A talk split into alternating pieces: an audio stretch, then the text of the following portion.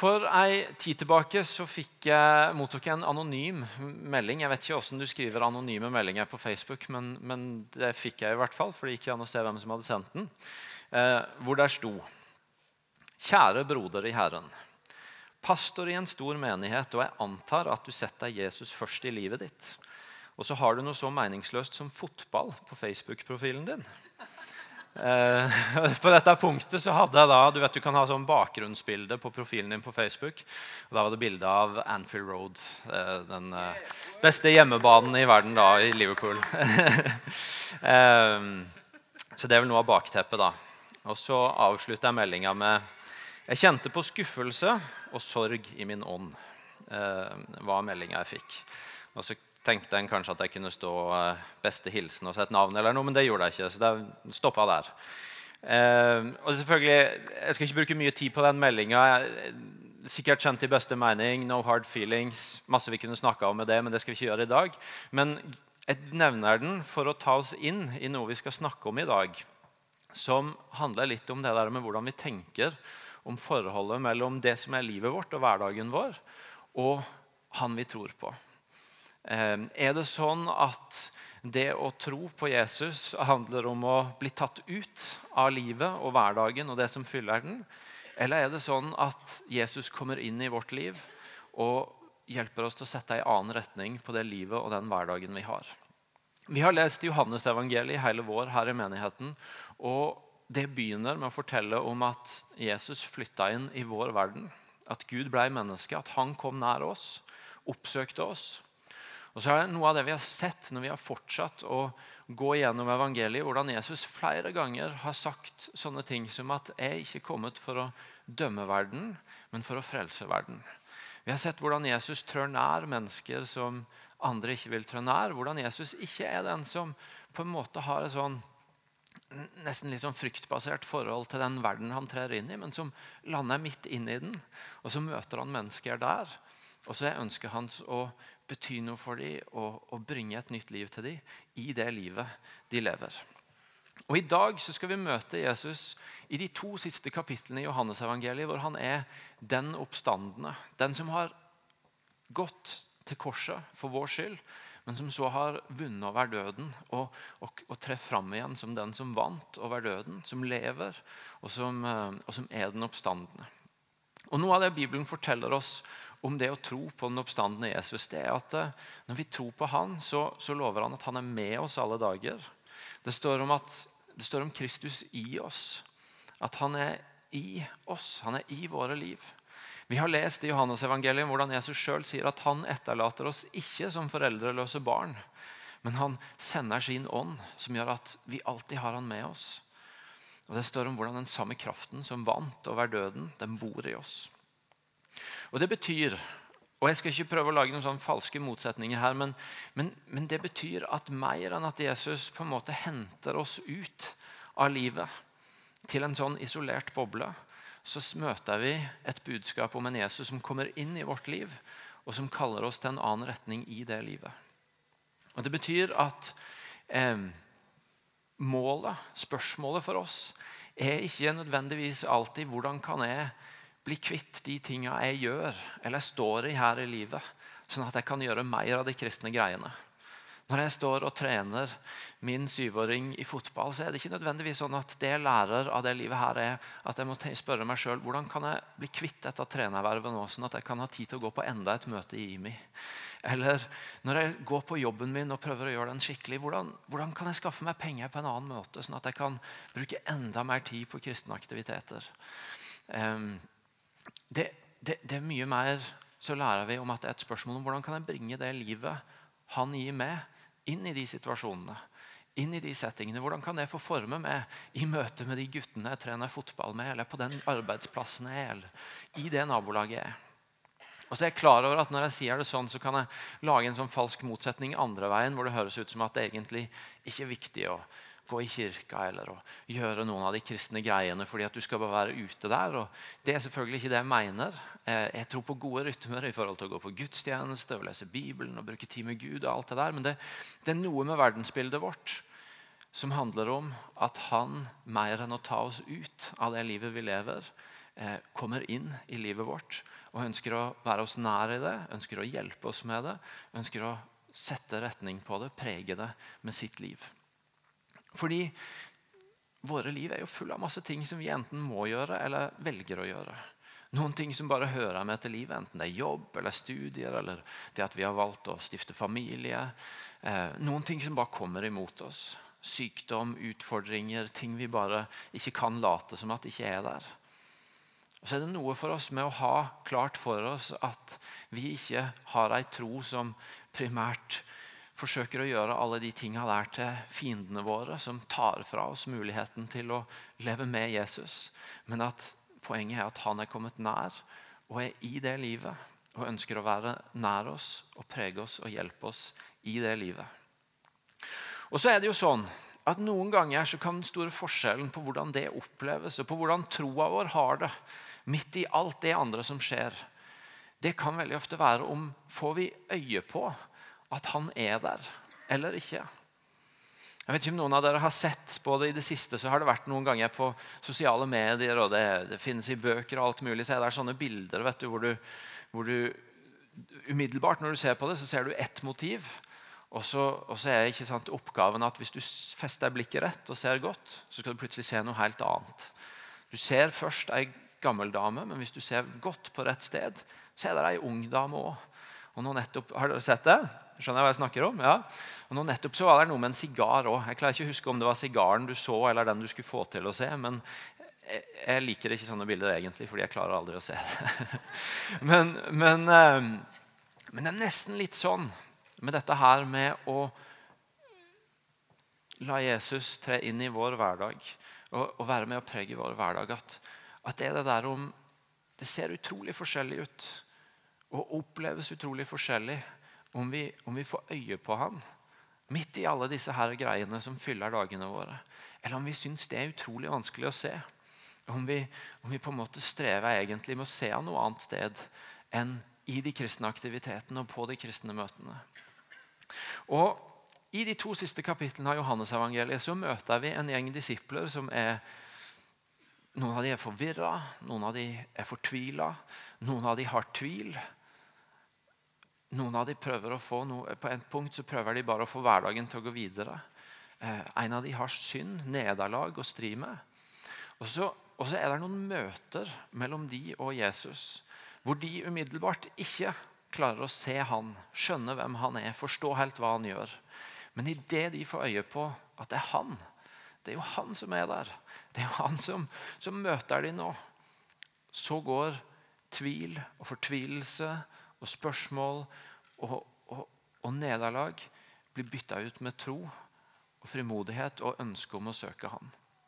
Vi skal se eh, ganske raskt, gå litt sånn høyt tempo, for det er to kapitler, gjennom de fem episodene. og så bare prøve å se om, om de det, det, er ikke, det er ikke sånn fem steg til å oppdage Gud i din hverdag.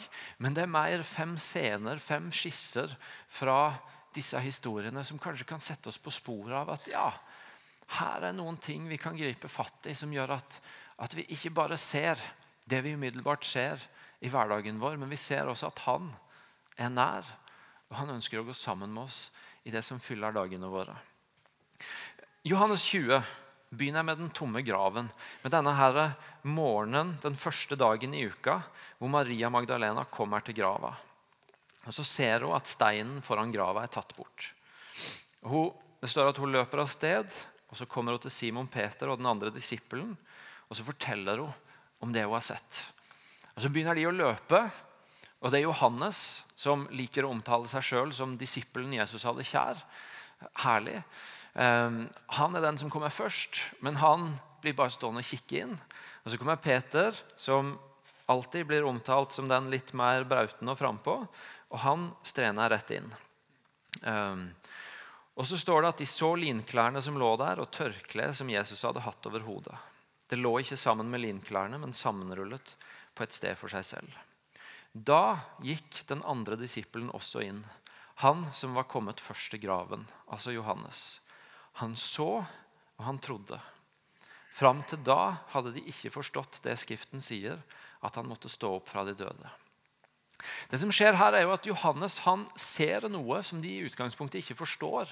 Nemlig at grava til en som var død, steinen er rulla bort. Den er tom. Og det andre er at han, han har lest og han er grundig trent i, i, Bibelen, i det som er hans bibel, i Skriftene.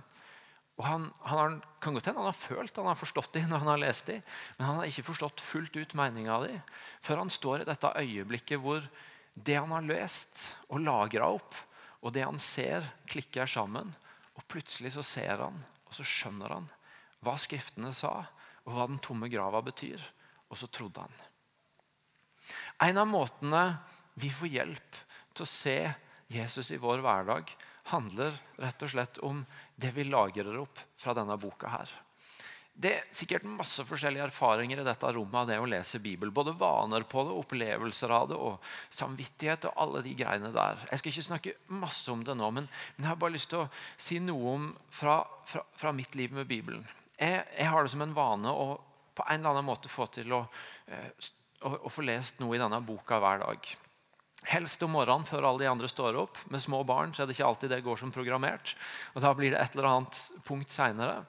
Og Noen ganger så er det å lese i Bibelen fantastisk. Leser, ser noe jeg ikke har sett før, eller noe jeg har sett før, men som dukker opp igjen. Og, og det blir et ord som jeg kan ta med meg gjennom dagen, og som jeg gjerne kan bruke i samtaler, og som, som minner meg om ting. Og yes, fantastisk. Men det er ikke alle dager som er sånn. Noen ganger så leser jeg og så tenker jeg, ja, det var jo greit. Krysser av på lista. Da har jeg gjort det i dag òg. Vet ikke om jeg lærte noe nytt. Vet ikke helt Klarte ikke, prøvde. Prøvde å lese en gang til. Prøvde å hente ut noen av alle de tingene jeg har lest om. Les sakte, les fort. Eh, ja. Men, men, liksom, ok, det var greit. Det ble ikke noe mer. Poenget er noen ganger så leser, og Jeg skal ikke idyllisere det. Det, det er kjekkest når du, når du, får tak i noe. Men, men, noen ganger så leser vi ikke Bibelen for dagen i dag, men vi lagrer opp noe for en annen dag. Noen ganger så er det ikke sikkert at det blir kjempesalig og flott og oppbyggelig der og da. Det blir mer som at du spiser det er som når du spiser frokosten din, og, og den er helt ordinær, som den var de andre dagene i uka. og Du tenker ikke mer over det, men det holder deg gående. Men så lagrer du opp noe for en annen dag. Og så kanskje kicker det ordet som ikke ga så mye mening da, inn. Og så hjelper det deg til å se Han i det du opplever. Skriftene, Bibelen, ordet er noe av det som noen ganger hjelper oss til å koble på det vi ser, og som i seg sjøl kanskje ikke vi ser noe som, som, hjelper oss til å se Gud i, og, og at Han er der, og det Han gjør. Og Derfor er det å, å, lese litt sånn uavhengig av hva en føler, av hvordan en opplever det, men å, men å lagre opp og, og, fylle opp lagrene. Sånn at det i neste omgang kan bli til hjelp for oss til å se og tro, sånn som Johannes gjorde. En, en hjelp, en nøkkel om du vil, til å, til å noen ganger kunne se Å ja, der er han i hverdagen min. Der ønsker han å si meg noe i hverdagen min. Dette har Jesus en tanke om. Dette bryr han seg om. Så går historien videre til neste scene. Og Da er det Maria vi møter igjen, som står mens disse her to har løpt inn og sett og prøvd å få tak i det. Så blir Maria stående utafor. Det står at hun sto like utafor grava, og hun gråt. Og Gråtende så bøyde hun seg inn, så, seg fram og så inn i grava. Og Så får hun se to engler, og hun snakker litt med de englene til og med. Men hun, hun har fortsatt ikke tak i har fortsatt ikke fått tak i eh, eh, hva som har skjedd. Og Så står det at i det samme så snudde hun seg, og så så Jesus stå der, men hun skjønte ikke at det var han. 'Hvorfor gråter du, kvinne?' spør Jesus. 'Hvem leter du etter?' Hun trodde at det var gartneren. Så hun står, Jesus, som hun kjenner så godt, som hun har gått tidlig ut om morgenen for å sørge over. Hun, hun, hun gråter over at han er død. Men, men nå står hun og snakker med han, og hun kjenner han ikke igjen. Hun trodde at det var gartneren, og hun sa til han, 'Herre, hvis du har tatt ham bort, så si meg hvor du har lagt ham, så skal jeg ta ham med meg.' 'Maria', sa Jesus. Da snudde hun seg og sa til ham på hebraisk, 'Rabuni', det betyr mester. I det øyeblikket Jesus sier navnet hennes, så kjenner hun han igjen. Hun står og sørger, hun gråter, hun er, hun er lei seg for det som har skjedd med en hun var så glad i. Og Når de begynner å snakke, så skjønner hun ikke at det er han. Men i det øyeblikket han sier navnet hennes, så kjenner de han igjen. Så skjønner hun det er Jesus. Rabuni, mester. Og Så har de en liten samtale til før hun løper og forteller de andre at hun har møtt han som den levende. Noen ganger så betyr det mer å høre Jesus si navnet ditt enn å, enn å få svar på alle tinga som du kanskje har spørsmål til i det du møter rundt deg. Noen ganger så er det der å, å bare bli stille nok til å ta inn at han er nær. Han er her. Han er til og med villig til å hviske navnet ditt til deg hvis du lar det bli stille. Det du trenger for å se at han er i hverdagen din, og for å få hjelp til å gå videre. Noen ganger så opplever vi som Maria ting som, som får oss til å sørge, som, som, er vanskelige. Og Vi kan få mange spørsmål ut av det, og, og, og, og vi skal straks se på med en annen en at spørsmål er ikke ubetydelige og de er ikke uviktige. Men det er noen ganger så er enda viktigere enn å få svar på spørsmålet, er bare å høre han si navnet vårt. Er bare å merke at han er der. Han er med. Han er nær. En av praksisene i, i mitt liv er å eh, minst to ganger i året sørge for at jeg får ha det stille rundt meg en to, tre, fire dager. Reise et eller annet sted hvor ingen andre er. Skru av alle sånne her greier. Og ikke ta med meg masse bøker, men primært denne boka her og en notatbok. Og bare være stille. Og Når jeg kommer tilbake fra de gangene, så spør alltid folk ja, hva, hva fikk du ut av det. Hørte du Gud si noe? Har du noe klokt å si nå? Eh, hva er budskapet? Og Veldig ofte så er det ikke noe budskap. Men det er bare en ny tro fordi at jeg har fått være stille og høre Jesus si navnet mitt. Og i det å merke at han er nær, at han er der, at han kommer til å være med i det veistykket som ligger foran også, så ligger det så utrolig mye tro for meg og frimodighet som betyr veldig mye mer enn om han hadde gitt meg hele kartet for hva som kommer til å møte meg de neste månedene. Men hvis jeg ikke kunne være trygg på at han var med meg i det. Noen ganger så er, så er det å bare høre han hviske navnet. Bare det å vite at han er der. Jeg trenger ikke å vite alt som ligger foran, men jeg trenger å vite at han er sammen med meg. Og at, og at jeg kan være trygg på det. Og Det fikk Maria oppleve, og når hun fikk oppleve det, så skjønte hun at han var der. Så klarte hun å se det som hun ikke så like før. Tredje scenen i denne teksten er Thomas. Eh, tidligere i gjennomgangen av Johannes-evangeliet så har vi møtt han som og på en måte fått korrigert det bildet av han som bare notorisk blitt kjent som tvileren, som den som, som, på en måte ikke ville tro. Vi har fått sett han litt tidligere i evangeliet når han var veldig frimodig og full av tro og ville gå med Jesus i døden. Men her møter vi han i den, den hendelsen han kanskje er spesielt kjent for. Hvor det, det står om at han var ikke sammen med de andre disiplene da Jesus kom. Og så står det Vi har sett Herren, sa de til han. Men han sa Dersom ikke jeg får se naglemerkene i hendene hans og får legge fingeren i de, og stikke hånda i sida hans, så kan jeg ikke tro. Thomas har spørsmål. Han syns det er vanskelig å tro at noen er stått opp fra de døde. Han synes Det er vanskelig å tro at han de nettopp har sørga over, nå skal være levende. Og, og når han ikke var i rommet sjøl, når Jesus kom og ønska dem med fred, så får han ikke til å tro. Så står det Åtte dager seinere var disiplene igjen samla, og Thomas var sammen med dem. Da kom Jesus mens dørene var lukka. Han sto midt iblant dem og sa, 'Fred være med dere.' Så sier han til Thomas, 'Kom med fingeren din. Se, her er hendene mine.' 'Kom med hånda di og stikk den i sida mi, og vær ikke vantro, men troende.' 'Min Herre og min Gud', sa Thomas. Thomas hadde spørsmål. Og han stilte de det spørsmålet. Han var ærlig på det. Han sa det ut.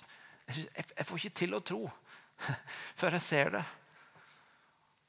Og når Jesus møter han i det spørsmålet, så er bekjennelsen hans umiddelbart. Ok, jeg ser at det er du. Min Herre og min Gud. Tvilen hans går til tro.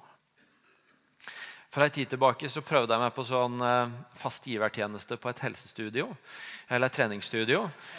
Og, og, i den tida hvor jeg skulle prøve å, å liksom få noe ut av det, så, så var, hadde jeg en liten fase hvor jeg gikk på sånne oppsatte timer da, for å få gang på det. Fordi jeg følte meg så utrolig For de av dere som har sånn på min alder og så på Lille Lørdag, sånn han der eh, Thomas André Jeg følte meg litt som han når jeg gikk rundt blant de apparatene inne på det studioet. Ganske sånn forkommen. Så jeg tenkte ok, jeg går på, en, jeg går på en, eh, noen sånn oppsatte timer, så får jeg litt hjelp her.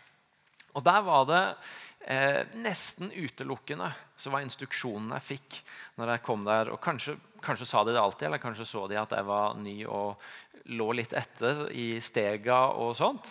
Eh, men de sa alltid bare 'fake it till you make it'. Det var liksom budskapet. Bare 'fake it till you make it'. Lat som at du får det til, så klarer du det etter hvert. Det er ikke budskapet fra Jesus til oss i forhold til vår tro. At når de vanskelige spørsmåla kommer, så er det bare 'fake it till you make it'. Lat som ingenting til det går over, eller til du syns du har et svar du kan leve med. Jesus og Bibelen, ikke bare her, men andre steder, lærer oss å ikke gjøre det, men å være ærlige på det som er livet vårt, og på det som er spørsmåla våre, og på å heller se Gud møte oss i spørsmåla enn på å håpe på at de skal gå over, og at han kan møte oss igjen på andre sida av dem. Salmenes bok full av disse herre. Hvor lenge, Herre? Hvorfor? Kjære Gud, når har du tenkt å gjøre noe? Og her Thomas, som bare er ærlig. Jeg klarer ikke å tro. Og i det at han stiller det ærlige spørsmålet, så møter Jesus han. Og så får han et svar som gjør at bekjennelsen kommer igjen. Jeg tror. Fake it till you make it. En, en, en dårlig tilnærming til å oppdage Jesus i din hverdag. Det å være ærlig på at dette er vanskelig, dette skjønner jeg ikke. Det kan godt hende at det noen ganger er lurt å ikke bare grave seg ned i de vanskelige spørsmålene, men også drikke fra noen andre kilder. Det kan godt være at det er lurt å tenke på hvor er de beste stedene å gå for å stille de spørsmålene. Men fake it till you make it, det er ikke veien å gå for å leve med Jesus i hverdagen. Men det å stille spørsmåla og se om han møter deg i de, sånn at du kan se han og tro han, sånn som Thomas gjorde. Kapittel 21. Peter, allerede omtalt som en ivrig type, han tenker at nå får vi få litt gang på hverdagen her igjen. Nå, nå, nå, vet vi ikke helt hva som skjer. Det er litt uoversiktlig. Jesus er åpenbart levende, men han er det ikke helt som før, for han kommer og går. og Plutselig er han der, og plutselig er han der ikke. Eh, så nå får vi bare kjøre på få gang på hverdagen. Så han annonserer at 'jeg drar ut og fisker'. Det var det han drev med før. Og han sier det. 'Jeg drar ut og fisker'. Vi blir også med, sa de. Og De gikk av sted og steg i båten. Men den natta fikk de ingenting. Og Så kommer morgenen, og så går Jesus på stranda mens de fortsatt er ute på sjøen. Og De skjønner ikke umiddelbart at det er Jesus, men han sier til dem Kast garnet på høyre han, han, spør først har dere ikke noe å spise. Nei, svarte de. Kast garnet ut på høyre side av båten, så skal dere få, sa Jesus. De kasta garnet ut, og nå klarte de ikke å dra det opp. Så mye fisk hadde de fått. Plutselig så Jesus gir de en ny instruksjon, og de handler på den. Og så får de fisk. Og så står det Disippelen som Jesus hadde kjær, sa da til Peter, 'Det er Herren'. Dette har disiplene opplevd før. Lukas 5, når flere av dem blir kalt til å være disipler, begynner jeg med at de har hatt en annen sånn eh, natt som ikke har gitt resultater. De har vært ute og fiska og ikke fått fisk. Og Så kommer Jesus og så sier han, gjør det heller på denne måten. Og så, og så fisker de til det, til det omtrent revner. Og Nå opplever de det samme igjen. Og i det de opplever det de har opplevd før, så sier de det er Herren. De ser han. Noen ganger er det å ta godt vare på det Gud har gjort i livet ditt før. Det, det, de, de, de, måtene du har sett ham på før, de måtene du har hørt ham på før, der du har opplevd at han var med, eller han gjorde noe, eller, eller han sa noe til deg, eller han bare hjalp deg igjennom, kan være de tingene som hjelper deg til å se at å ja, nå er vi der igjen. Og da vet jeg at du er der, Jesus, for det har jeg opplevd før. Satt bare for ei uke eller to siden i samtale med en som, som opplevde en del ting som var veldig utfordrende. Og vi, og vi satt og, og, for å være ærlig så kom ingen av oss egentlig noen vei i den samtalen. Og, og det var vanskelig å på en måte koble på ja, Vi vet jo at Jesus er her, for det tror vi. Det ligger på en måte grunnleggende i troa vår. Men å på en måte koble det på situasjonen Vi, fant ikke tilkoblingspunktet helt til. Det bare slo inn. Ja, men dette har jo jeg og du jobba oss igjennom to ganger før. Denne runden har jo vi gått før. To ganger. Og hver gang så har Jesus gjort noe nytt i livet ditt, og du har kommet deg gjennom det og ut sterkere og bedre. Og Det var først når vi klarte å hente fram at ja, men dette har jo vi vært igjennom før. Dette har vi jo en erfaring fra før av at når du opplever dette, så har du erfart at Jesus er nær, og at han hjelper deg gjennom, og at du kommer styrka ut. Da gikk det fra bare sånn ah, Hva gjør vi nå? til tro på at ok, jeg vet ikke helt hvordan det blir. Jeg vet ikke helt hva som blir utfallet, men jeg har en grunnleggende tro og forventning til at han er med. Siste scene. Jesus og Peter.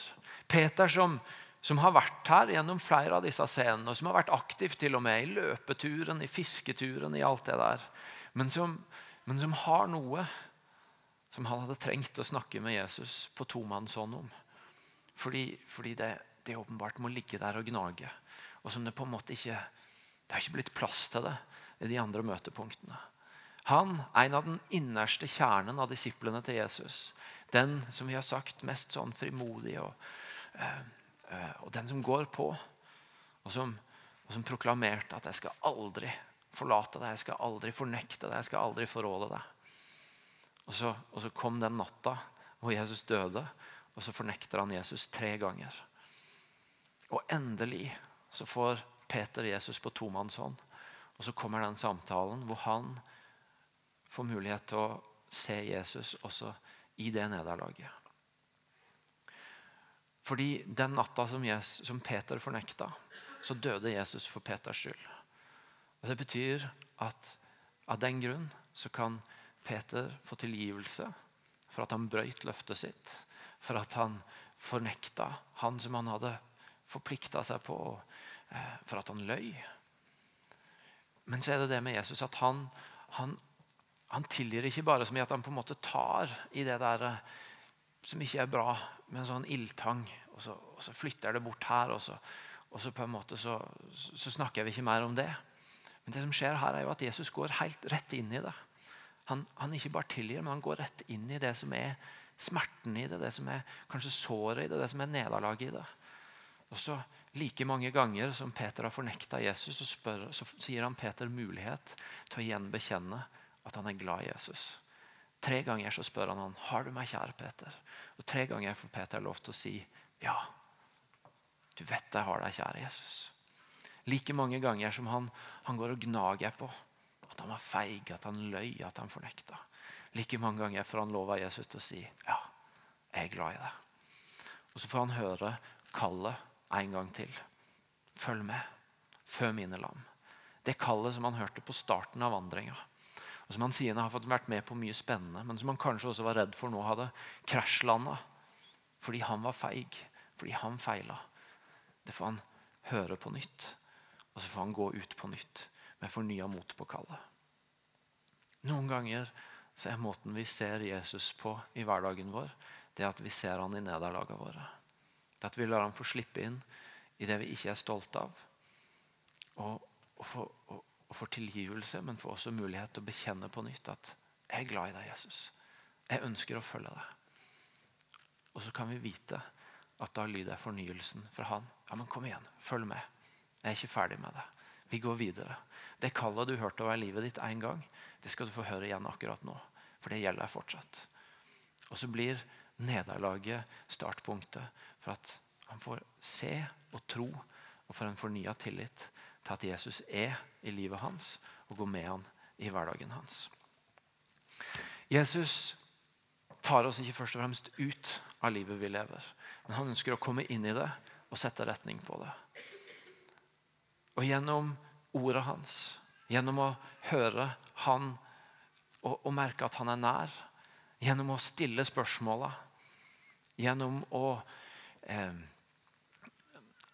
Gjennom å, å, slippe han inn i nederlagene. Gjennom å, eh, å, få øye på han i de gamle minnene vi har av det han har gjort, så kan vi koble oss på han i det som er dagen vår og livet vårt og hverdagen vår i dag. Og Det er hans ønske tror jeg, for, for denne dagen, for denne uka, for den sommeren som ligger foran. At vi ikke skal lure på om han er der, men at vi skal få hjelp til å se at han er der, og koble oss på det. Skal vi reise oss opp og be sammen?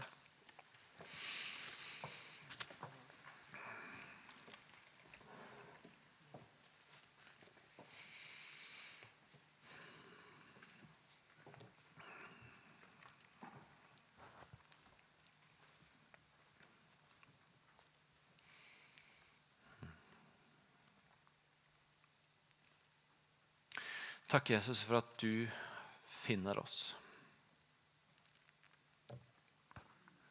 Takk for at du kommer til oss. Takk for at du trør inn i våre omstendigheter og kaller oss til et liv med deg i det som er vårt liv.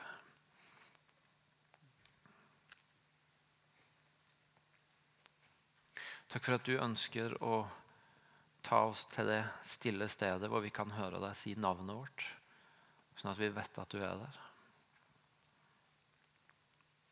Takk for at du tåler spørsmålene våre og tvilen vår.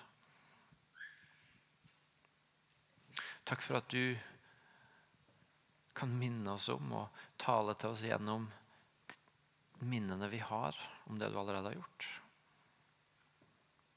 Takk for at du møter oss i ordet ditt.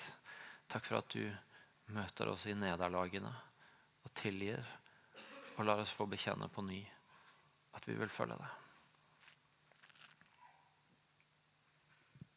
Jeg har lyst til å be deg for de i uh, salen i dag, som, på gudstjenesten i dag, som, som i denne tida syns det er vanskelig å se deg i sitt liv.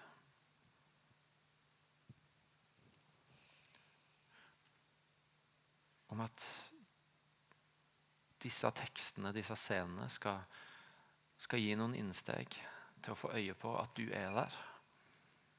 Og at du ønsker å være der i det som er livet.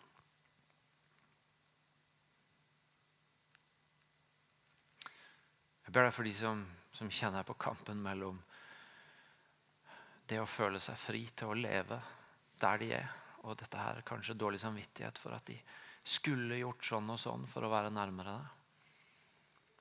At du skal komme nær og snakke med dem om hvordan det ser ut at du er i livet ditt sitt.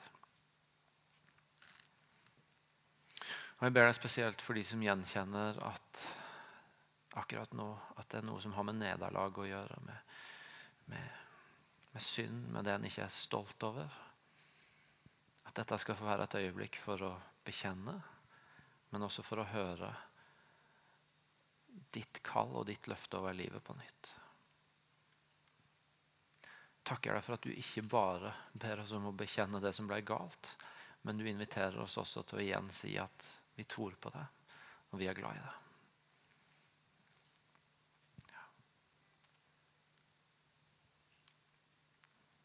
Amen. Da er det sånn at Det kan bare stå litt til. Um, da er det sånn at Vi har ti minutter til barna skal hentes. og Det betyr at de av dere som vil være igjen i salen nå og søke forbønn, så er det forbedere på den sida som gjerne vil be for deg. Enten hvis det er noe av det jeg har talt om, eller hvis det er andre ting som har med sykdom, smerte, andre livssituasjoner. Um, så er forbederne der og vil gjerne be for deg nå. Vi åpner også dørene ut til kafeen, til boksalget. og, um, og du må gjerne gå dit nå eller når du er klar for det. Barna må hentes kvart på om ti minutter. Dere som skal feire dåpsfest videre, ønsker dere en fantastisk dag. La oss eh, avslutte felles sammen med å ta imot velsignelsen.